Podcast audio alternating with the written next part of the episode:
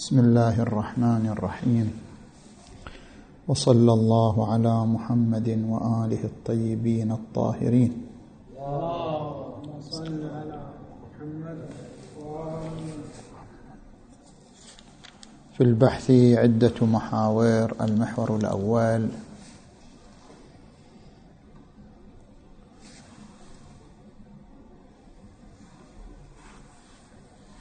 ذكر ذكر ماو تسي تونغ أن التناقض قائم في عملية تطور كافة الأشياء.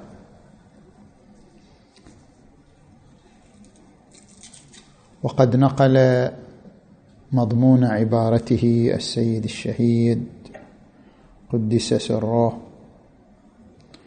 قال لقضية عمومية التناقض معنى مزدوج يعني التناقض له معنيان.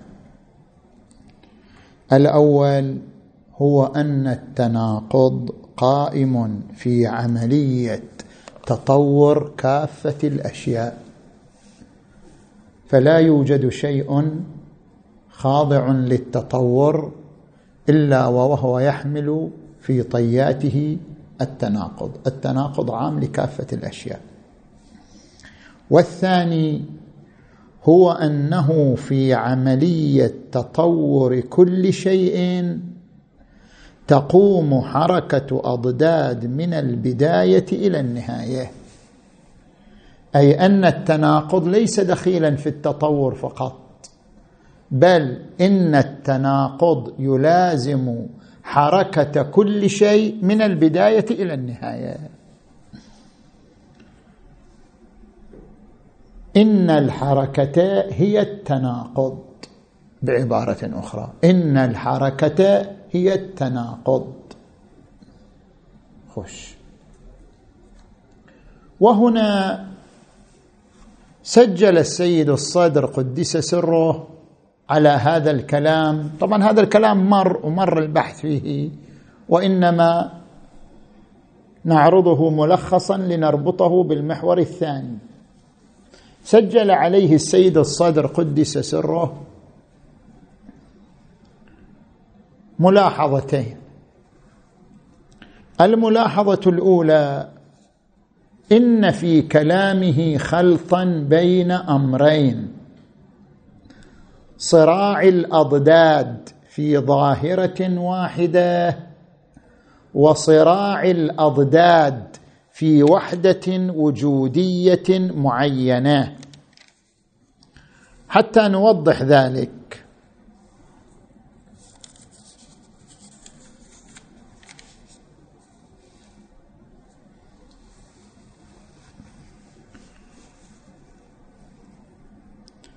عندما نلاحظ ظاهرة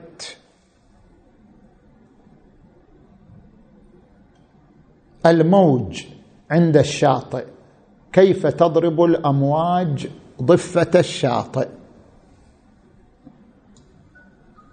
هنا يوجد صراع بين النقائض والأضداد.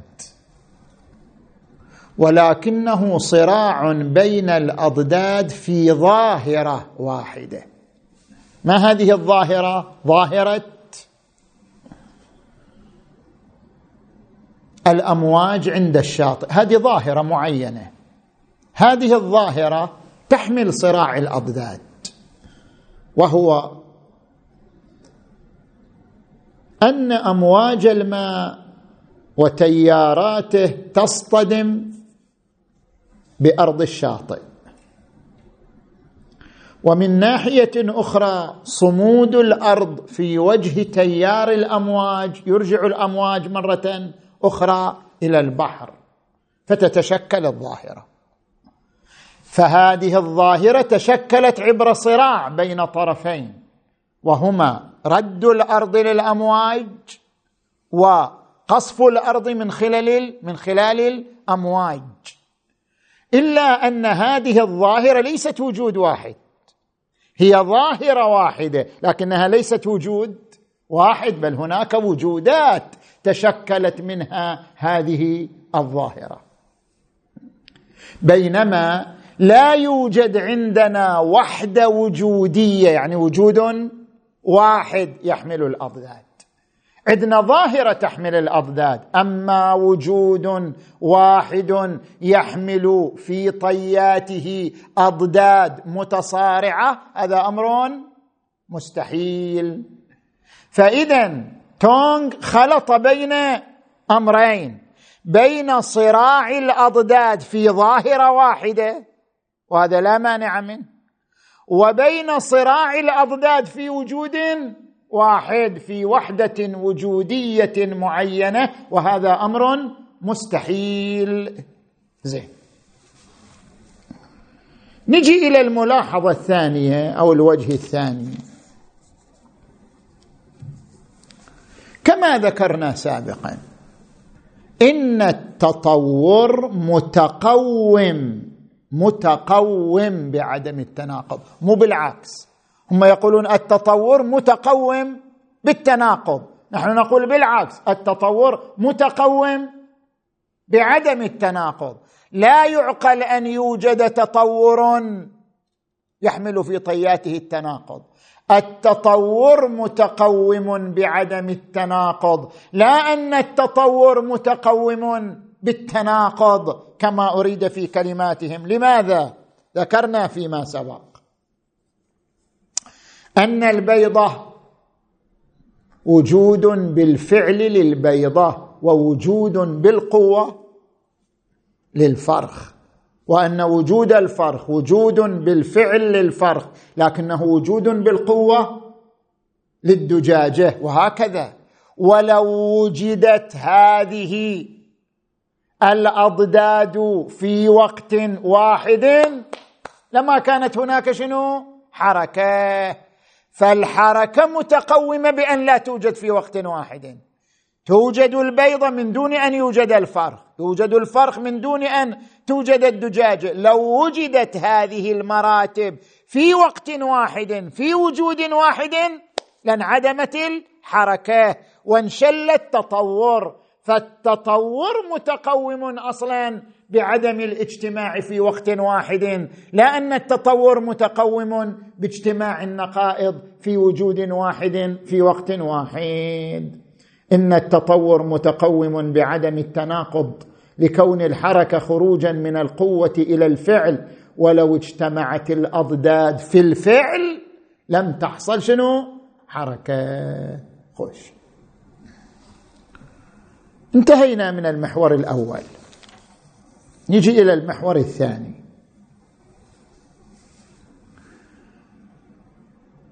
الماركسيون أو الديالكتيكيون الذين أصروا على أن الوجود يعني الحركة وأن الحركة تعني التناقض وأن حركة كل شيء ناشئة عن صراع بين الأضداد في داخله وفي صميم محتواه. هكذا أصروا. طيب ما هي الشواهد عندهم على ذلك؟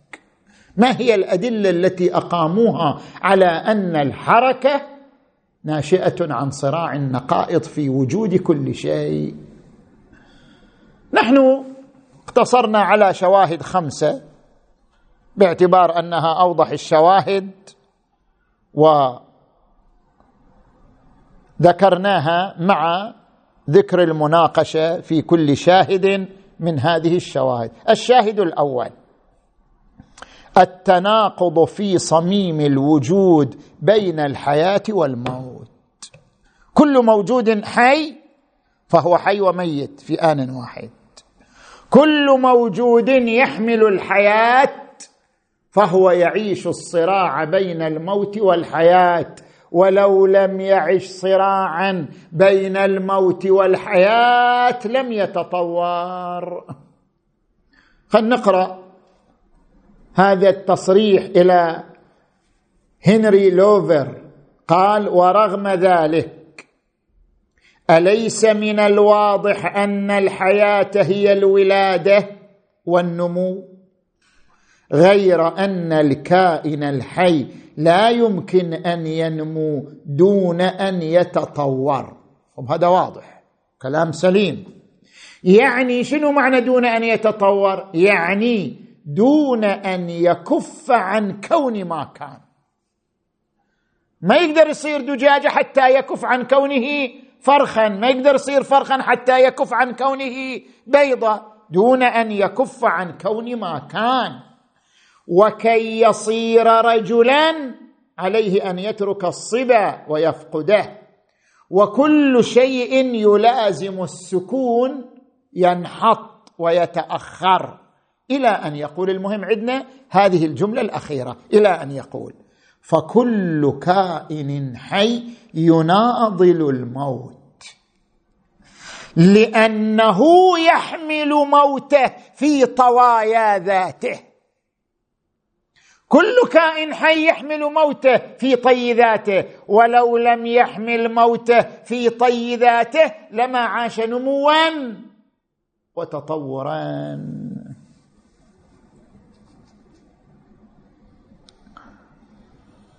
خوش. الآن النقاش في هذا الشاهد. قالوا هذا شاهد على صراع النقائض في الوجود الواحد. جسم واحد هو يعيش موت ويعيش حياة في آن شنو؟ واحد.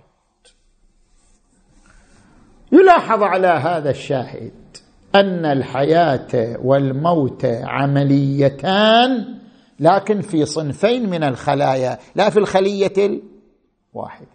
خلايا تموت وخلايا تحيا. لأن الخلية الواحدة تحمل موتا وحياه في آن واحد كي يقال قد اجتمعت الأضداد في وجود واحد فكان شاهدا على تقوم الحركة بصراع النقائض.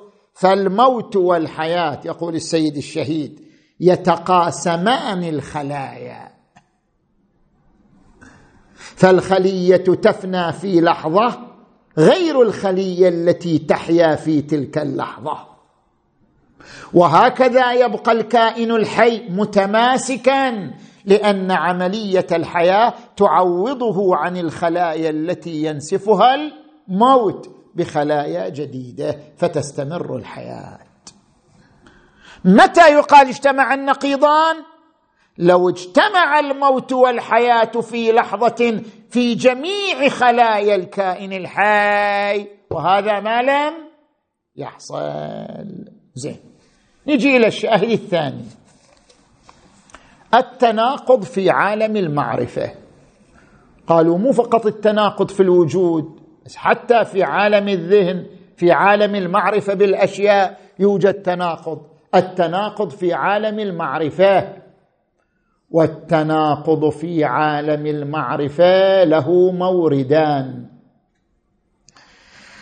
المورد الأول قال إنجلز كما رأينا أن التناقض بين مقدرة الإنسان على المعرفة مقدرة متأصلة لا محدودة. كل إنسان يمتلك المقدرة على المعرفة مقدرة لا محدودة. وبين تحقيق هذه المقدرة تحققا فعليا في البشر الذين هم مقيدون بظروفهم الخارجية وبقابليتهم الذهنية. هو من جهة لا محدود من جهة مقيد. ما يقدر يتعرف على الأشياء؟ متجاوزا الظروف. ما يقدر يتعرف على الأشياء متجاوزا مستواه الذهني. ما يقدر. فهو يمتلك قدرة لا محدودة ومحدودة في آن واحدين. ويجد حلوله في تعاقب الأجيال تعاقبا لا محدودا في التقدم اللا متناهي.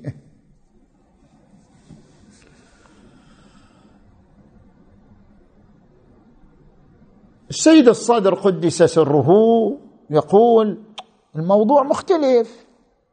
يعني الموضوع الذي يتصف بالمقدرة اللامحدوده غير الموضوع المتصف بالمقدرة المحدودة. موضوعان مختلفان.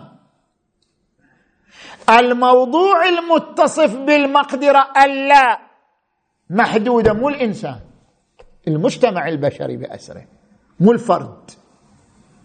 إذا نظرنا للمجتمع البشري كوجود قلنا هذا المجتمع البشري من آدم إلى آخر آدم. المجتمع البشري من أول آدم إلى آخر آدم إذا ننظر إليه كوجود واحد نقول هذا يمتلك مقدرة لا لا محدودة. والدليل على أنه يمتلك مقدرة لا محدودة أنه في كل جيل يتطور ويقفز قفزات في عالم المعرفة. لا يعيقه شيء عن التطور. بينما إذا نظرنا لكل إنسان بمفرده هذا الإنسان بمفرده تفصل عن المجتمع البشري مقدرته على المعرفة مقدرة محدودة وليست لا محدودة لأنها محدودة بالظروف ومحدودة بالمستوى. الذهني الذي يمتلكه اذا بالنتيجة الذي اتصف باللامحدود غير الذي اتصف بالمحدود. خش نجي إلى المورد الثاني.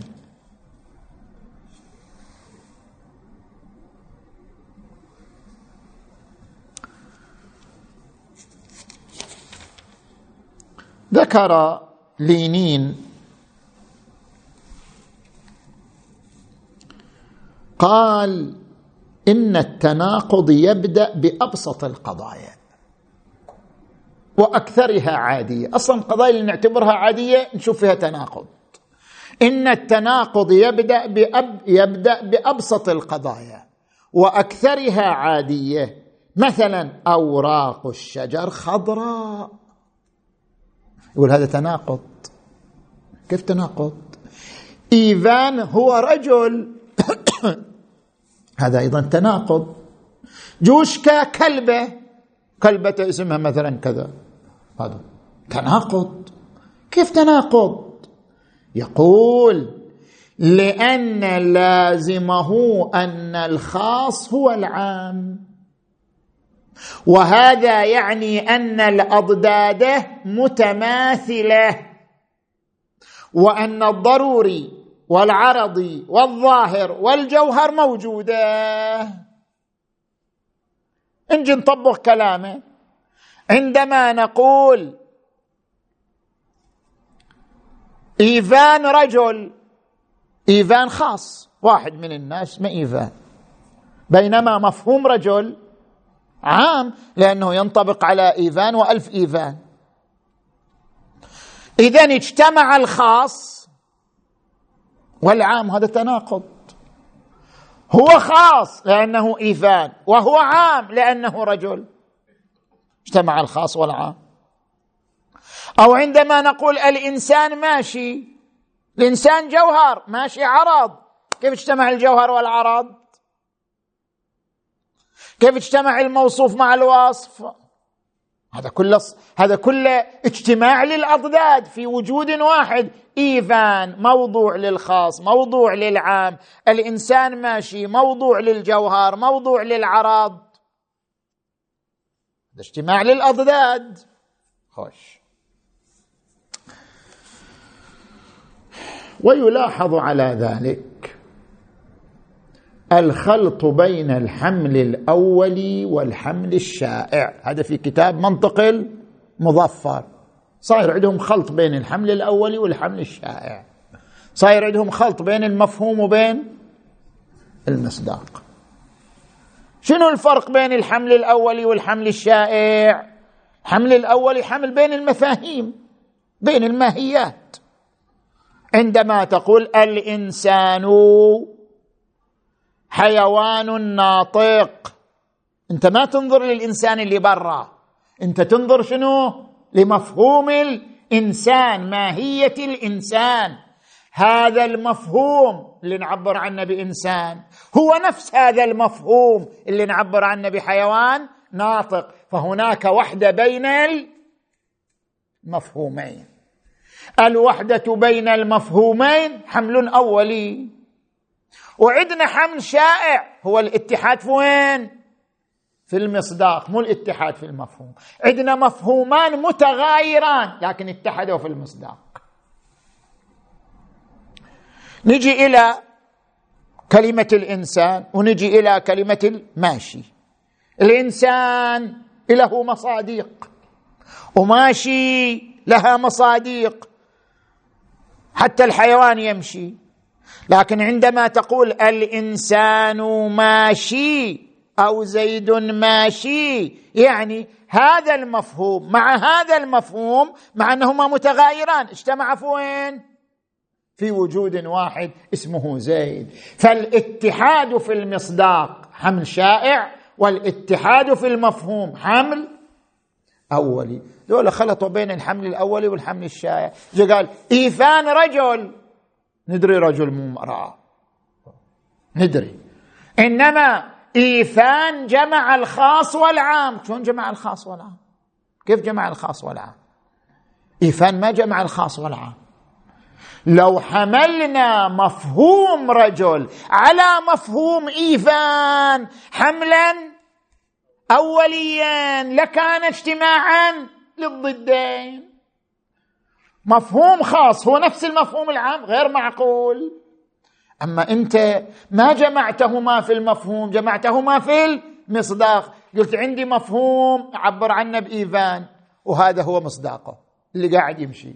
وعندي مفهوم اسمه كلمة رجل وهذا هو مصداقه الذي هو مصداق إيفان. فاجتمع المفهومان في مصداق واحد.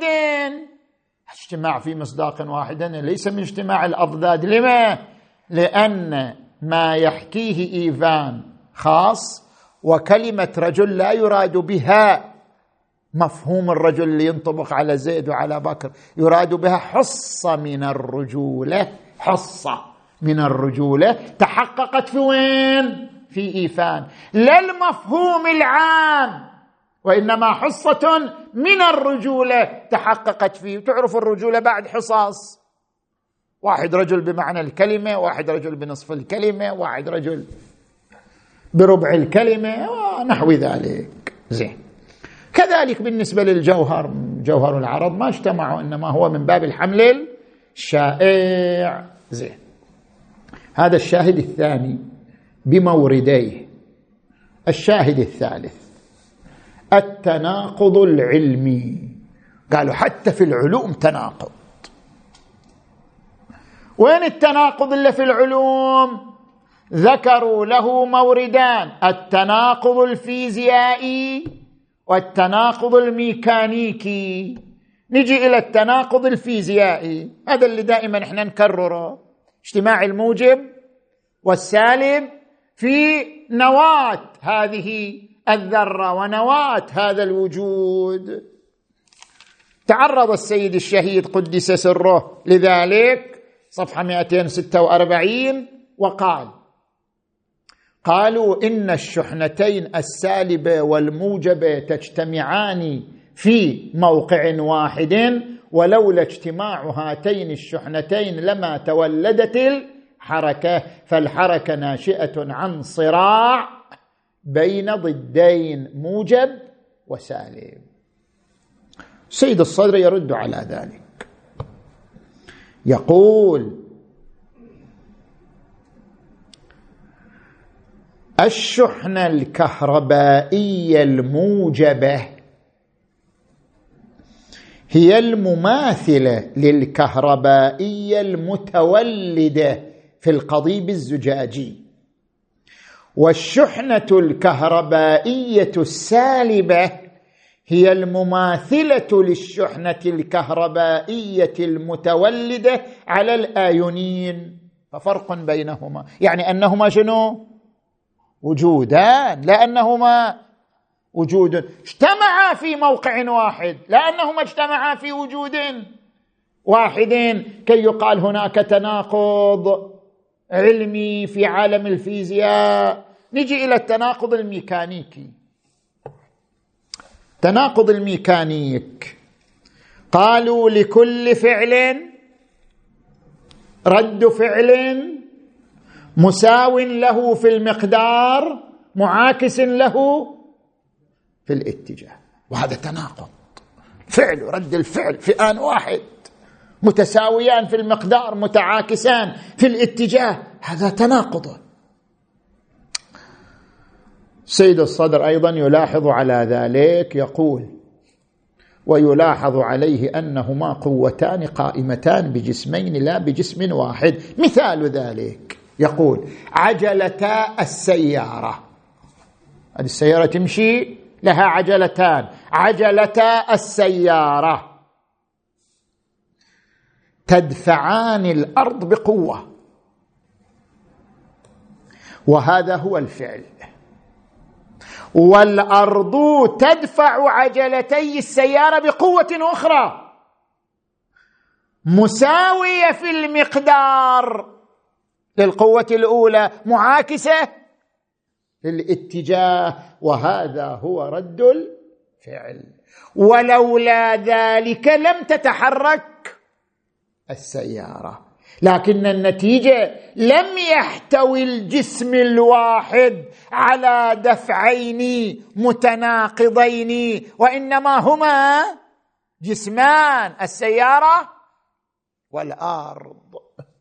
فلم يجتمع الضدان في جسم واحد أو في وجود واحد خش نجي إلى الشاهد الرابع. التناقض الرياضي. يعني في الرياضيات. سيد الصدر ما نقل الشاهد عن من؟ قال بعض الكتاب. بعدين في الحاشية قال محمد عبد الرحمن مرحبا. اسمه مرحبا.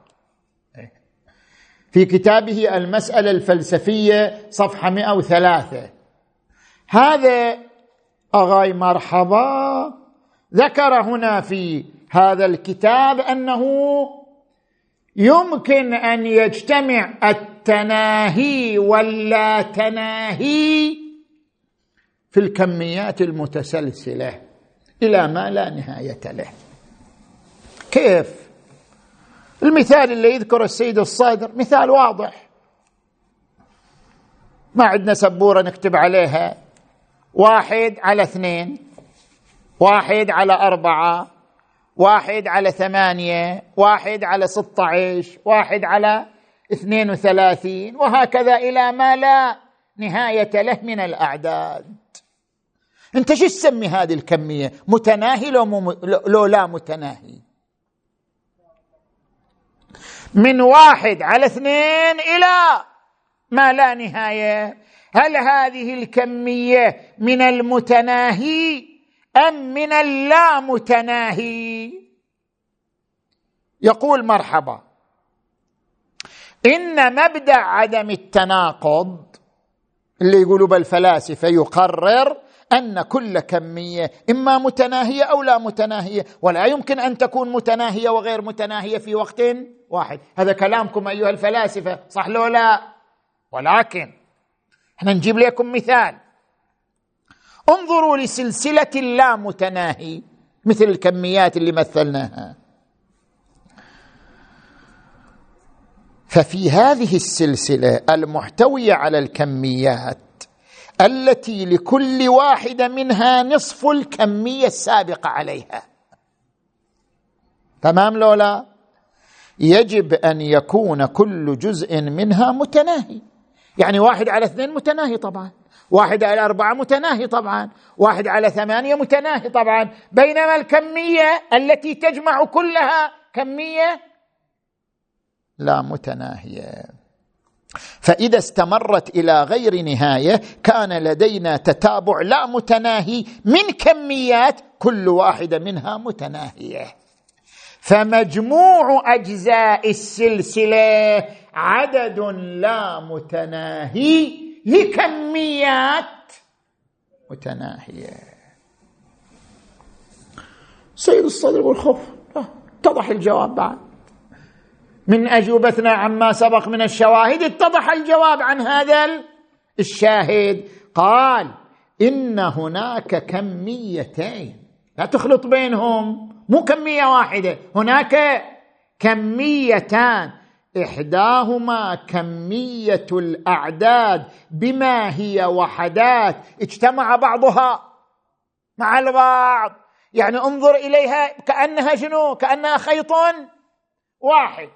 من واحد على اثنين إلى ما لا نهاية. انظر إليها كأنها خيط واحد. إذا نظرت إليها كأنها خيط واحد هذه هذه لا متناهي. زين. والأخرى كمية مدلولاتها الرياضية. كل كمية لها مدلول رياضي يختلف عن المدلول الرياضي للكمية الثانية. فكل كمية لها مدلول رياضي هي متناهية وليست لا متناهية. فلم يجتمع التناهي ولا تناهي في كمية واحدة. زين. جينا إلى الشاهد الخامس والأخير. التناقض الاجتماعي. خوش. التناقض الاجتماعي ده كلش يعني ما أدري شو نسميه. زين.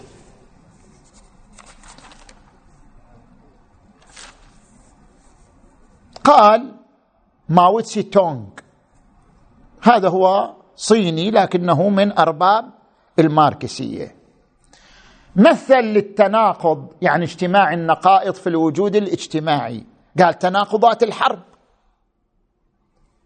كيف تناقضات الحرب؟ آه. هجوم ودفاع في آن واحد. نصر وهزيمة. تقدم وتأخر. وكلها ظواهر متناقضة ولا وجود للواحد من دون الثانية وهذان الطرفان يتصارعان. كما أنهما يتحدان ببعضهما فيؤلفان الحرب. ما تقدر تقول هذه حرب إلا إذا فيها الضدين هجوم والدفاع والنصر والهزيمة والتقدم والتأخر. فاجتمعت النقائض في ظاهرة واحدة اسمها نعم. تانك في الحرب. زين. يقول السيد الصادر هذا النص أكثر النصوص غرابة. هذا كلش يعني مصخة هذا النص أكثر النصوص غرابة شلون يعني اجتمعوا في وجود واحد؟ أنا فاهمين. فالحرب في التحليل الاجتماعي عبارة عن كثرة من الحوادث. لم تتوحد إلا في التعبير فقط. سميناها حرب ولا هي حوادث؟ متفرقة. فالنصر غير الهزيمة والجيش المنتصر غير غير الجيش المنهزم ونقاط القوة غير نقاط الضعف. شلون يعني اجتمعت النقائض في وجود واحد؟ اذا تلخص من الشواهد الخمسة حتى مهدي استمل.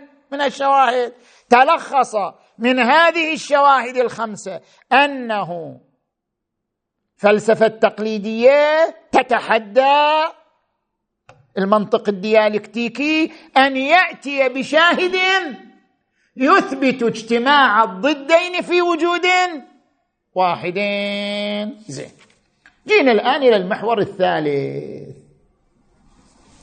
شنو الهدف من هذا؟ إيش تريدوا توصلوا؟ لابد لكم هدف.